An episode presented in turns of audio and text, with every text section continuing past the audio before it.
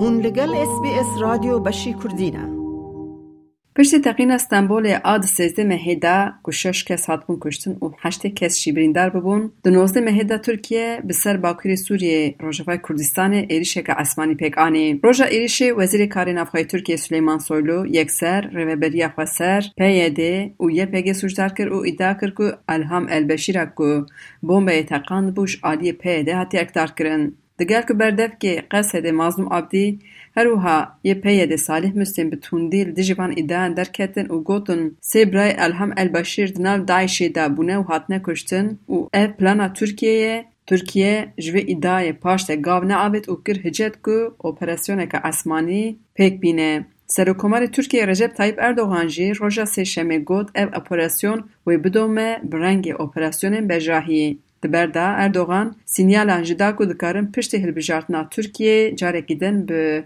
Beşar Esadê serokê Sûriyeyê re bidin û bistînin. Nivîskarek nêzî hikûmetê Abdulkadir Selvî di nivîsa xwe a roja çarşemê de destnîşan kir ku çavereyê Tirkiye di meha dozdî de dawî li operasyona Pençe Kilîda al ser erdê Başûrê Kurdistanê bingehên PKK dikir bîne. Ji bo ku dixwazin berê operasyonê bikin Bakurê Sûriyê ji bo demeka dirêj û qadeka berfireh.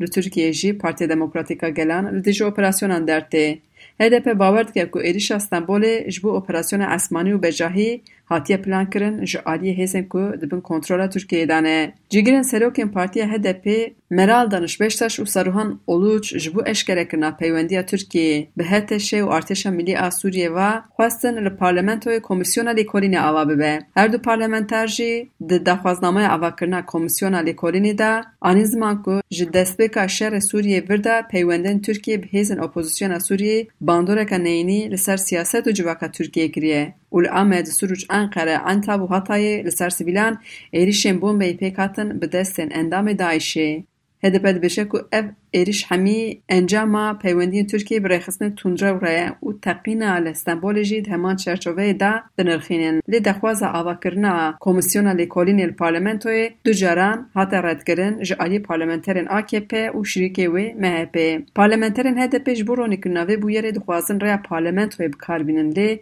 همی هولدان وان حتا ایرو به انجام ما یک جیجی پرسیارنامه بردفکا گروپا هده پی مرادانش بشتاشه که ji Wezareta Dadê û ya Karên Navxwe xwest bersiv bide ku têkiliya Elham Elbeşîra êrîşkar û Mehmet Emîn İlhanê serokê MHP باسا انگو گچلو کونکا ناوچه اشتر نخی به هف چیه جبر که روژا تقینی حتا اشکره کرن الهام البشیر دو جاران تلفون محمد امین الهان که لی الهان دو جیوان ایدای درکت او آنی زمان سال دو حزار نوزده انده سر ناویوی وی لی ناوچه جزی را شر نخی خطه که تلفون حاطیه درخستن که نزانه کی او خط درخستیه او بکار آنیه او د بشل سر ویلی سکه قریته یه ولایت شنخه جی همان روز به داخویانی یک سروک مهپا گجل کناکه پشت راست کرد. مرال دانش پشتش بردبکا گروه با HDP جهاد و وزیران پرسکه که اف تلفن محمد امین ایلان سه سالن جالی کی هاتیب کار آنین او ناسنامه اون کسان دیاره اروها بیشتر دبیج وزارت نخه او گرنده امنیت دربار ایریش او ناسنامه الهام البشیر بشیر دا آگاهی بناکوف دادن او اف یکشی باوریال همبروان سازیان جی خراب دگه پشت ایریشان اسمانی HDP خواست لواجر کردن می‌دانن بخو پشاندنان li dijî operasyona derkevin lê û dî mehê de Wîlayeta Amedê û a Wanê ji bo hefteyek qedexe danîn ser hemî çalakî û daxuyaniyan. Wîlayeta Amedê bi daxuyaniyek nivîskî ragihand ku li Amed û navçeyên wê ji bîst û yekê mijdarê heta siyê mehê çalakî, daxuyanî, meş, belavkirina belavokan, vekirina pankart û afîşan qedexe kirine. Weke hicet jî bîst û heftê mijdarê salvegera roja damezranina PKK destnîşan kirine ku dibêjin çavereyê çalakiyên provokatîv di vê demê de were kirin lewma ji bo rêl hemî çalakî an provokasyonan bigirin qedexeyeka hefteyek îlan kirine. HDP di gel vê qedexê roja duşemê bi rêxistinên sivîl re li meydana deriyê Çiyê xwepêşandanek li darxistin û êrişên Tirkiyeyê bi ser Sûriyê protesto kirin. Lê polîsan dora wan girt û wan asteng kir, çil û heft kesan jî desteser kir.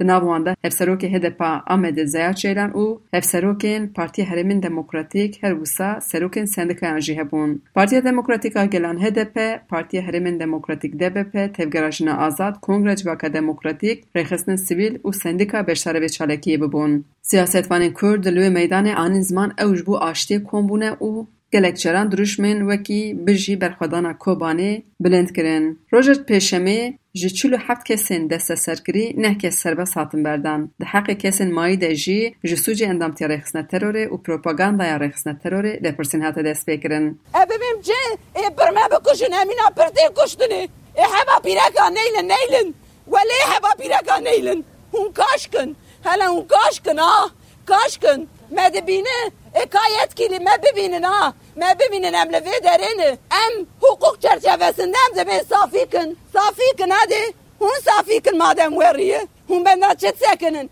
Hûn dibênîna bira pir tiştek ev ortê. Qayloma û sekinîne. Ev deng ya xuşkeka dilşewate navê wê Hülya Kurmuş e û şîna xuşka xwe ya Meryema bîst û yek salî digire.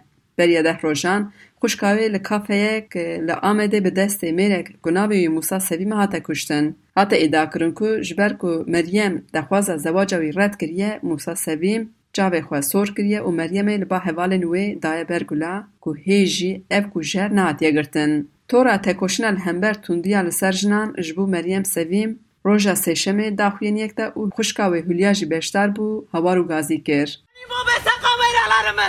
Hani bu besa Wê got li Amedê li çaraliyê bajêr kamera hene û ça dibe ku kujer nayê girtin. Ew gelek gilî û gazin e. Dibêje ku ne dewlet ne siyaset tu kesek dengê wan hewara wan navîze. Me bu em bên qinketê me bu em bên xuşkê me bu azanî. Em mîna pir bisekinin li vira.